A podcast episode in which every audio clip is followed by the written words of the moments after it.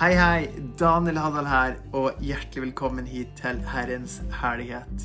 Jeg ser frem mot å dele denne andakten her med deg, og håper virkelig at det er til oppmuntring. Jeg skal begynne å be litt. Kjære far, takk for din kjærlighet. Takk for at du er til stede, Herre. Velsigne hver lytter akkurat nå, Herre. Far, vi takker for at du er så god, og du er så nær oss hele tida, Herre. Du er kongenes konge, Herre, og vi inviterer deg til å komme, Hellige Ånd.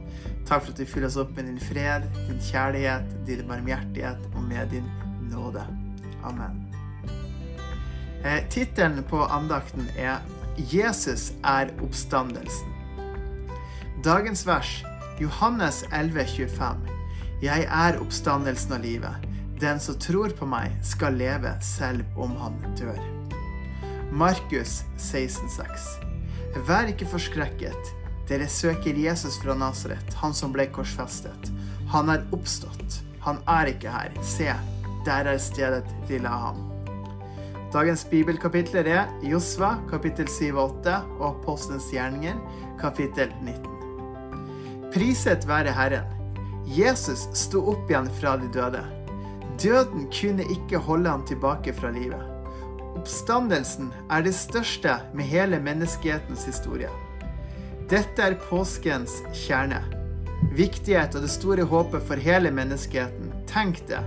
Jesus sto igjen eh, sto opp igjen fra de døde en tredje dag etter å ha blitt korsfestet. Halleluja.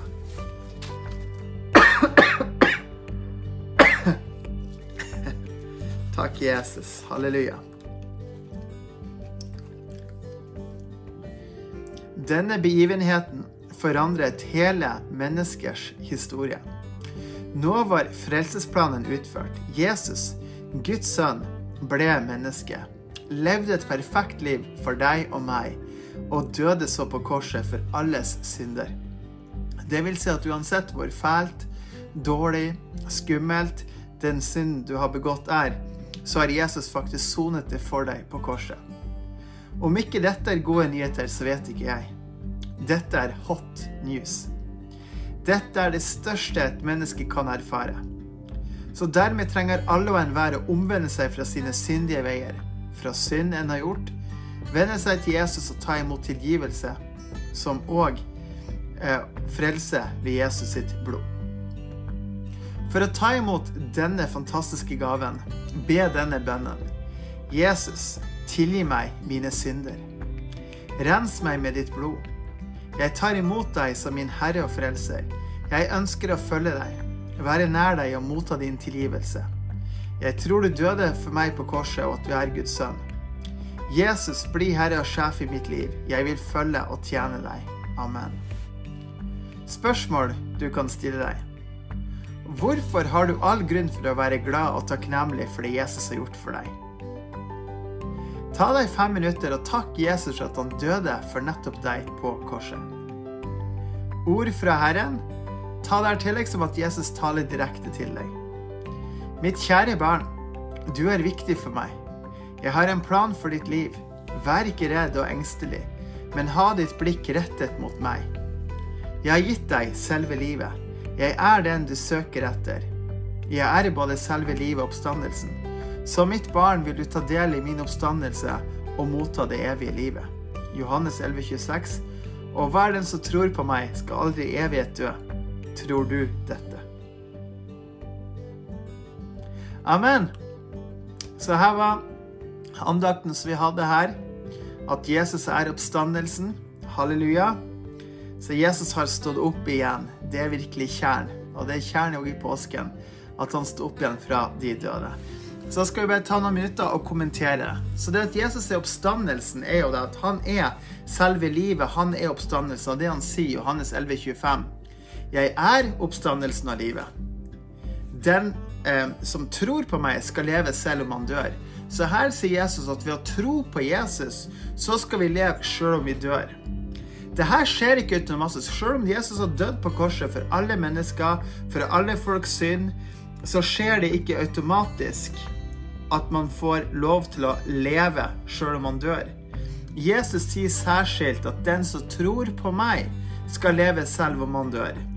Så Jesus har gjort alt. Han har gitt alt sammen.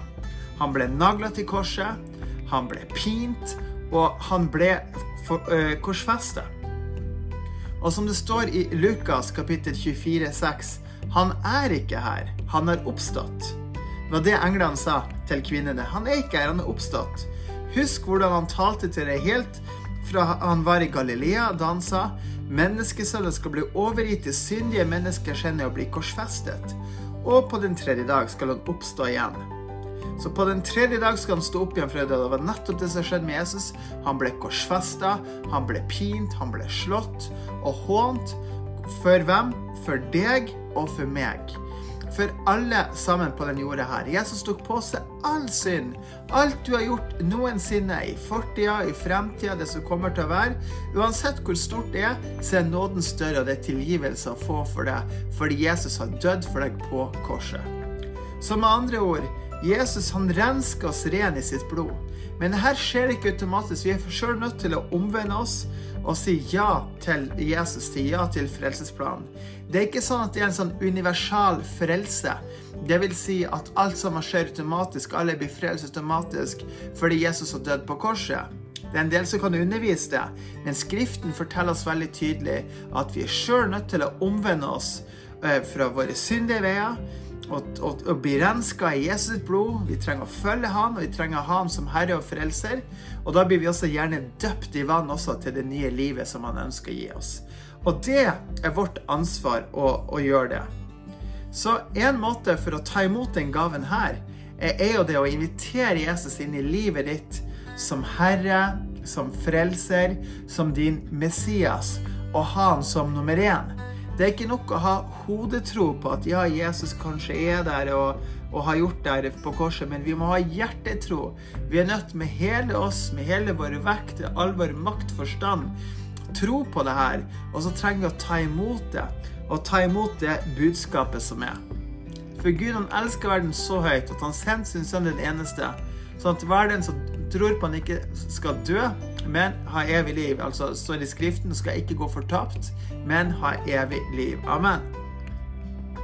Så det er det vi skal få lov til å gjøre. Det er nøkkelen. Så se på det her og ta imot den fantastiske gaven. Be Jesus om å komme inn i livet ditt. Be Jesus om å være din herre. Be Jesus om å være din frelser. Be Jesus om å være den som virkelig har gjort alt for deg. At du skal få lov til å ta imot det her, leve i det, være i det og dvele i det. Så da kan vi lese det her og ta imot Jesus. Da kan du, da kan du be en bønn her med meg. Kan du si Jesus, tilgi meg mine synder. Rens meg med ditt blod. Jeg tar imot deg som min Herre og Frelser. Jeg ønsker å følge deg, være nær deg og motta din tilgivelse. Jeg tror du døde for meg på korset, og at du er Guds sønn. Jesus blir herre og sjef i mitt liv. Jeg vil følge og tjene deg. Amen. Amen. Be det her ut. Tal det ut. Fortell andre mennesker om det. Om Guds godhet, om Guds herlighet, om Guds majestet og Guds nåde. Fordi det er der det ligger. Det er der det er seier. Og Jesus han sto opp igjen fra de døde. Og han er oppstandelsen. Han er selve livet. Og han er den som vi kan få lov å sette vår lit til. Han er den som alltid er der og er trofast. Han er den som aldri vil forlate deg. Og han er den som har dødd for deg. Eh, tenk deg at han har dødd for nettopp deg. Og det er ikke en teori, det er fakta, det er ekte. Det er det største, største som har skjedd i menneskets historie noensinne. Og vi trenger å gripe det vi tror, si ja til det og følge Jesus. Og han elsker deg så utrolig høyt. Så kjære himmelske Far, jeg takker deg, Herre, for jeg enhver lytter akkurat nå. Jeg takker deg for ditt nærvær, for din kjærlighet og for din godhet. Og takk for at du rører ved enhver person, Herre, som lengter etter deg. Takk for at hver person skal få lov å kjenne deg, erfare deg, merke din nåde og få lov til å gå dypere med deg på veien, Herre. Du er så god, Jesus. Og vi inviterer deg inn i vårt liv, Herre. Takk for det, Herre. Velsign enhver person. Takk for at du sto opp igjen fra de døde den tredje dagen. Halleluja. Amen. Da håper jeg at du ble oppmuntra av den andakten her. Og så skal vi ta og lese i Skriften. Da kan du ta og slå opp i Bibelen. Skal jeg si Apostelens gjerninger kapittel 19 og Josva kapittel 7-8. Så la oss starte her i Apostelens gjerninger kapittel 19. Amen. Takk, Jesus.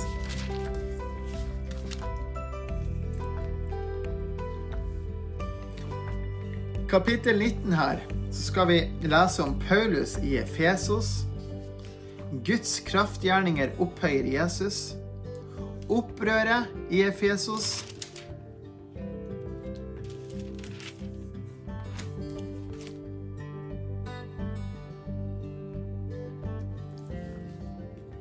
Apostlenes gjerninger, kapittel 19.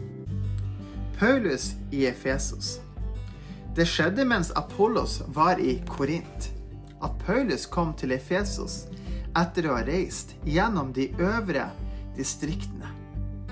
Da han fant noen disipler der, sa han til dem, Fikk dere Den hellige ånd da dere kom til troen? Da svarte de, Vi har ikke engang hørt at det finnes en hellig ånd. Han sa til dem, Hva ble dere da døpt med? De sa, Med Johannes dåp. Da sa Paulus, Johannes døpte med omvendelsens dåp. Han sa til folket at de skulle tro på ham som skulle komme etter ham. Det er på Kristus Jesus. Da de hørte dette, ble de døpt til Herren Jesu navn. Da Paulus hadde lagt hendene på dem, kom Den hellige ånd over dem, og de talte i tunger og profeterte. Disse mennene var omkring tolv til sammen. Han gikk inn i synagogen og talte frimodig der i tre måneder. Han samtalte og overbeviste om alt det som hadde med Guds rike å gjøre. Fordi noen av dem forherdet seg og ikke trodde, men talte ondt om veien overfor folkemengden, dro han bort fra dem og trakk disiplene tilbake. Og hver dag førte han samtaler i Tyrannos skole. Dette fortsatte i to år, slik at alle som bodde i Asia, hørte ordet om Herren Jesus, både jøder og grekere. Guds kraftgjerninger opphøyer Jesus.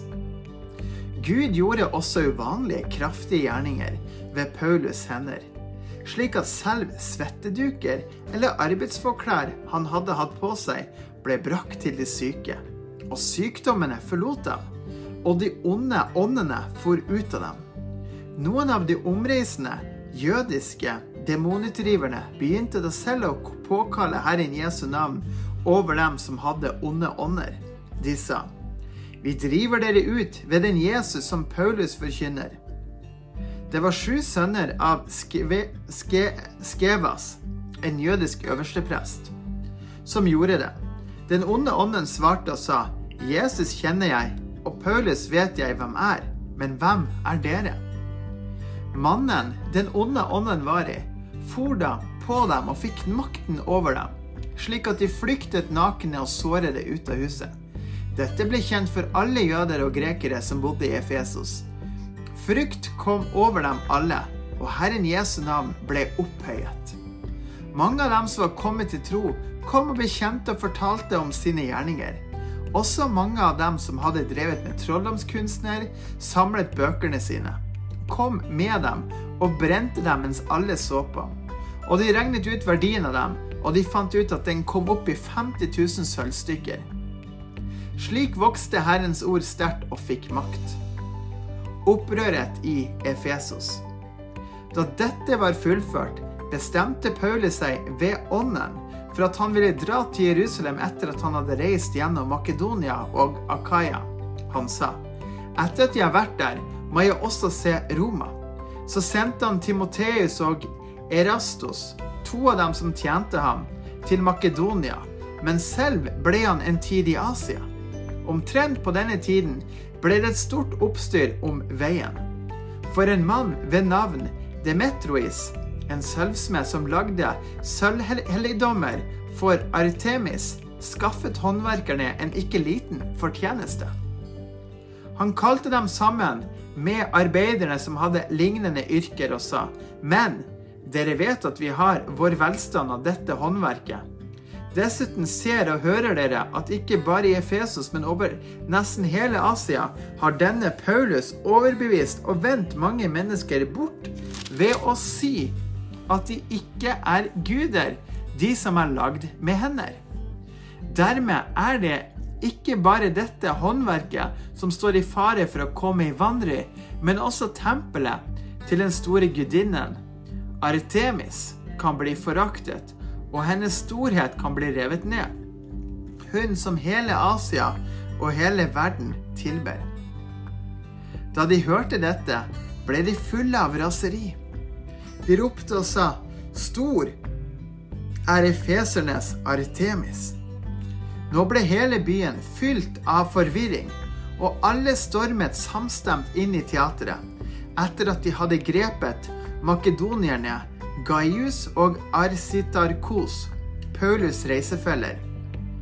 Da Paulus ville gå inn til folket, lot ikke disiplene ham få lov. Noen av tjenestemennene fra Asia, som var hans venner, sendte bud til ham og ba ham om at han ikke måtte prøve å gå inn i teatret. De ropte i munnen på hverandre, for forsamlingene var i full forvirring, og de fleste av dem visste ikke hvorfor de var kommet sammen. De dro Aleksander ut av folkemengden, og jødene skjøv ham fram. Aleksander gjorde et tegn med hånden om at han ønsket å holde sin forsvarstale for folket. Men da de fant ut at han var jøde, lød det som med en røst fra dem alle omkring to timer. Stor er efesernes Artemis. Da byskriveren hadde beroliget folkemengden, sa han, men fra Efesos, hvilket menneske er det som ikke vet at efesernes by er tempelvokter for den store gudinnen Artemis og for bildet som falt ned fra Sus. Siden dette ikke kan benektes, må dere være stille og ikke gjøre noe forhastet.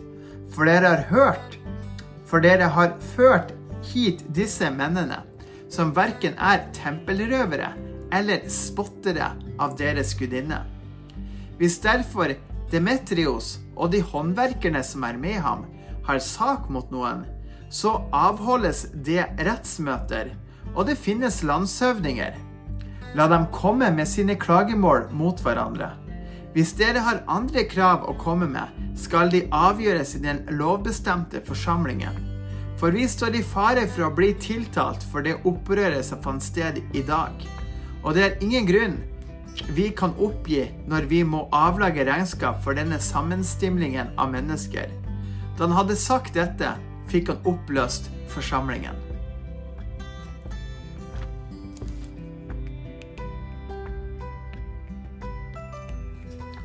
Amen.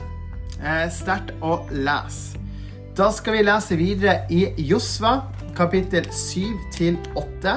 Så gjerne finn eh, Bibelen din frem, så skal vi lese det sammen. Takk og lov. La oss gjøre det. Amen.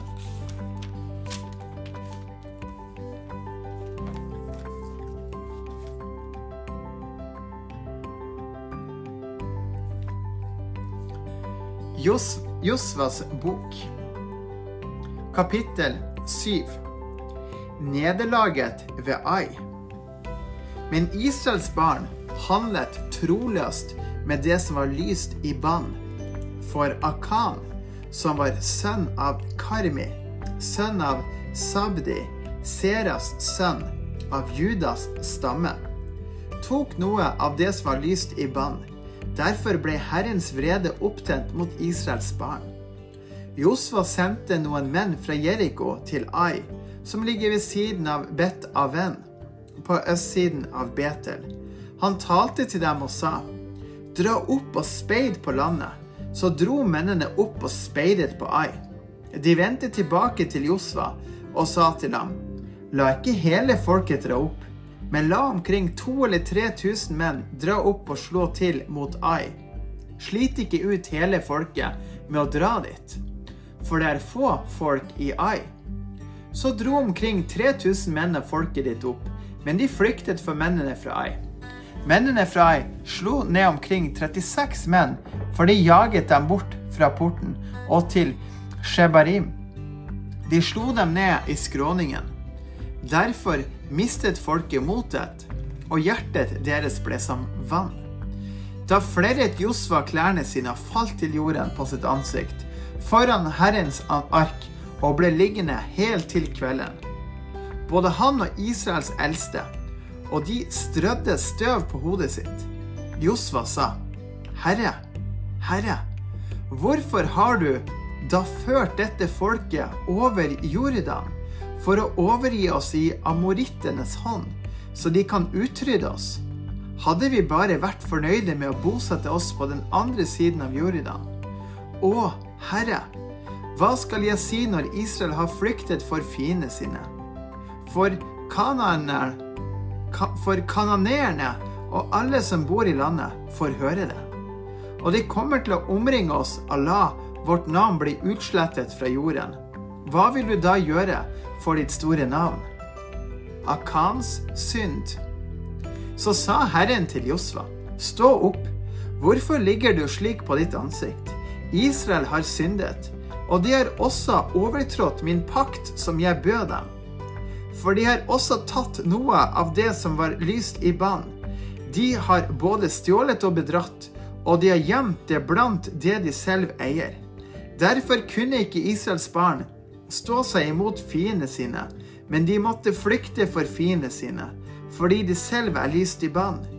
Jeg vil ikke lenger være med dere hvis dere ikke får det bannlyste fullstendig bort fra deres midte.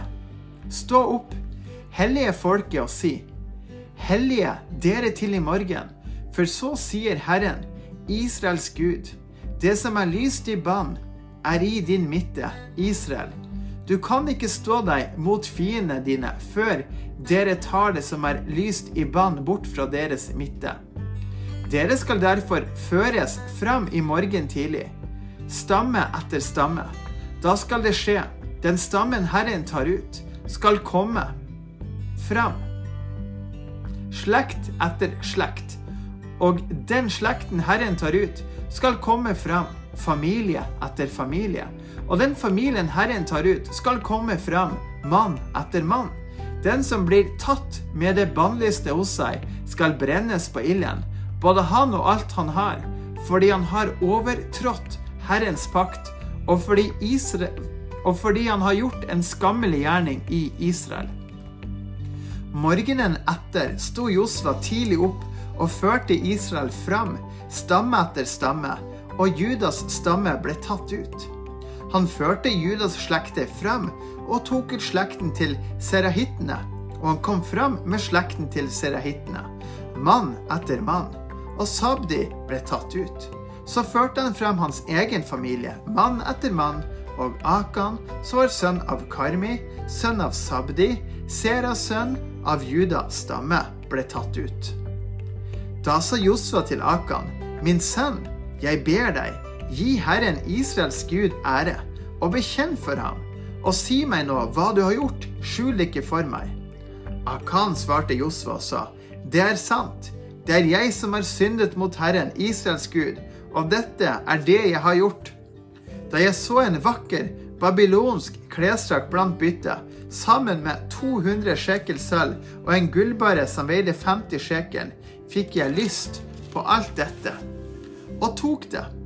Og der er det, skjult i jorden under teltet mitt, sølvet nederst. Så sendte Josva noen utsendinger av sted, og de sprang til teltet. Og der var det, gjemt i teltet hans, med sølvet nederst. De tok alt dette ut fra teltet, bar det fram til Josva og til alle Israels barn, og la alt sammen ned foran Herrens ansikt. Josva og hele Israel sammen med ham tok så Akan, Seras sønn, sølvet, klesdrakten, gullbaren, sønnene hans, døtrene, storfe, eslene, småfet, teltet og alt det han hadde, og de førte alt dette til Akordalen. Josva sa, Hvorfor har du ført denne ulykken over oss? Herren skal føre deg i ulykken på denne dag så steinet hele Israel ham, og de brente alle på ilden etter at de hadde steinet dem. Så kastet de sammen en stor haug med steiner over ham, og slik står det til denne dag. Så vendte Herren om fra sin brennende vrede. Derfor er dette stedet kalt Akordalen. Slik er det til denne dag.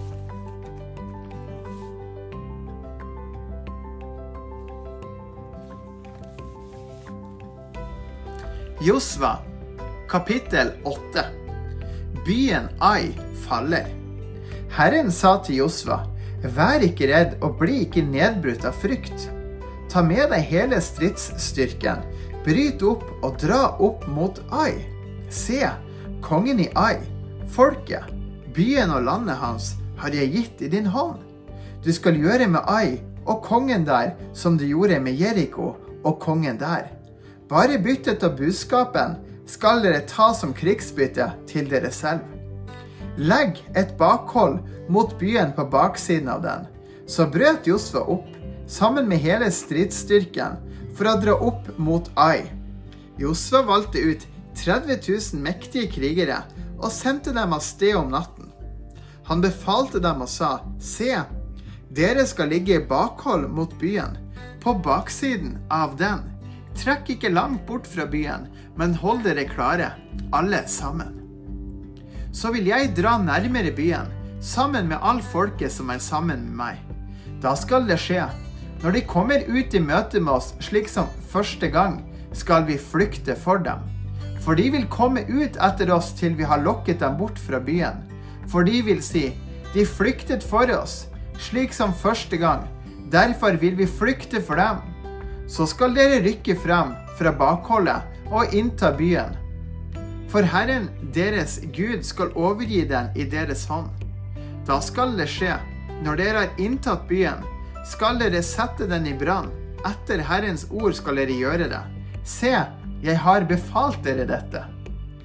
Derfor sendte Josva dem av sted.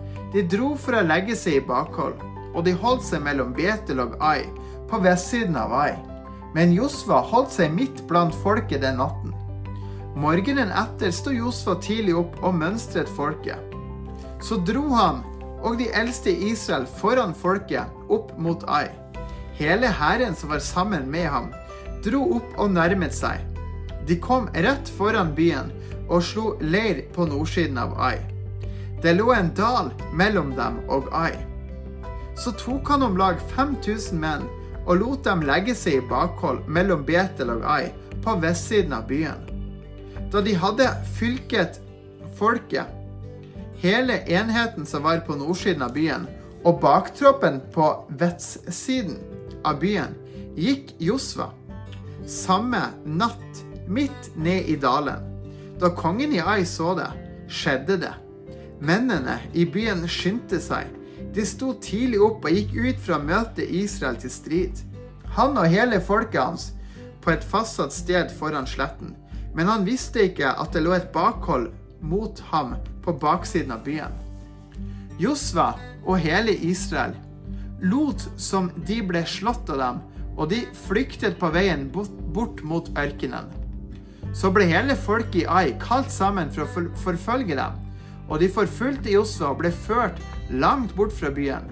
Det var ikke én mann igjen i Ai eller i Betel som ikke dro ut etter Israel. Så lot de byen ligge åpen etter seg og forfulgte Israel. Da sa Herren til Josva, spydet du har i hånden, skal du rekke ut mot Ai, for jeg vil gi den i din hånd. Og Josva rakte spydet han hadde i hånden, ut mot byen. De som lå i bakhold, rykket hurtig fram fra sin plass. Da han rakte ut hånden, sprang de straks inn i byen og inntok den, og de skyndte seg å sette byen i brann. Da mennene i Ai snudde seg tilbake, så de og se, røyken fra byen steg opp mot himmelen. De hadde ikke krefter til å flykte verken den ene veien eller den andre veien. Og det folket som hadde flyktet ut i ørkenen, vendte seg nå mot forfølgerne sine. Da Josva og hele Israel så at bakholdet hadde inntatt byen og at røyken fra byen steg opp, vendte de tilbake og slo ned mennene fra Ai. Imens kom de, andre imot dem, ut fra byen. På den måten ble de fanget midt mellom israelfolket, noen på den ene siden og noen på den andre siden. Og Israelfolket slo dem ned, slik at de ikke lot noen av dem bli levende igjen eller få flykte. Men kongen i Ai tok de levende og førte dem fram for Josva. Israel slo i hjel alle dem som bodde i Ai. De slo dem ute på slagmarken, der ute i ørkenen hvor de hadde forfulgt dem.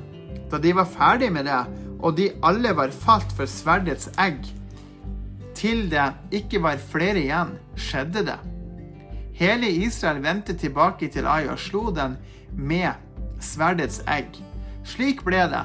Alle som falt den dagen, både menn og kvinner, var 12 000, alle som bodde i Ai.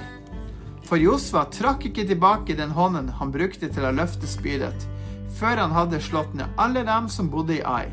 Bare buskapen og hærfanget fra denne byen tok Israel som krigsbytte til seg selv, etter Herrens ord, slik han hadde befalt Josva. Så brente Josva opp Ai og gjorde den til en haug for alltid. Et øde sted til denne dag. Kongen i Ai lot han henge i tre til kvelden kom. Så snart solen var gått ned, befalte Josua at de skulle ta liket hans ned fra treet, kaste det ved inngangen til byporten og kaste opp en stor haug med steiner over det. Og den ligger der til den, denne dag. Josva leser fra Moses lovbok. Nå bygde Josva et alter for Herren, Israels Gud, på Ebalfjellet. Slik Herrens tjener Moses hadde befalt Israels barn, som det sto skrevet i Moses lovbok et alter av hele steiner, som ingen mann har brukt jernredskap på. På det bar de fram brennoffer og fredsoffer til Herren. Der skrev han på steinene en avskrift av Moses lov, den han hadde skrevet i Israels etterkommeres nærvær. Så stilte hele Israel seg med sine eldste, oppsynsmenn og dommere på hver side av arken. Foran dem var prestene av levitene som bar Herren paktsark. Både den fremmede og den som var født blant dem, var til stede. Den ene halvparten av dem sto foran Garismfjellet, og den andre halvparten sto foran Ebalfjellet, slik Herrens tjener Moses tidligere hadde befalt at de skulle velsigne folket Israel. Etter dette leste han alle lovens ord velsignelsen og forbannelsen etter alt det som er skrevet i lovboken. Det var ikke et eneste ord av alt det Moses hadde befalt som ikke Josfa leste opp for hele Israels forsamling, med kvinner, små barn og de fremmede som bodde midt iblant dem.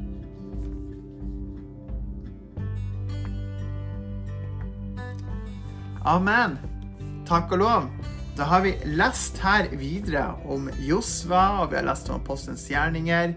Og vi bare ser hvordan Josva virkelig er en etterfølger av Moses.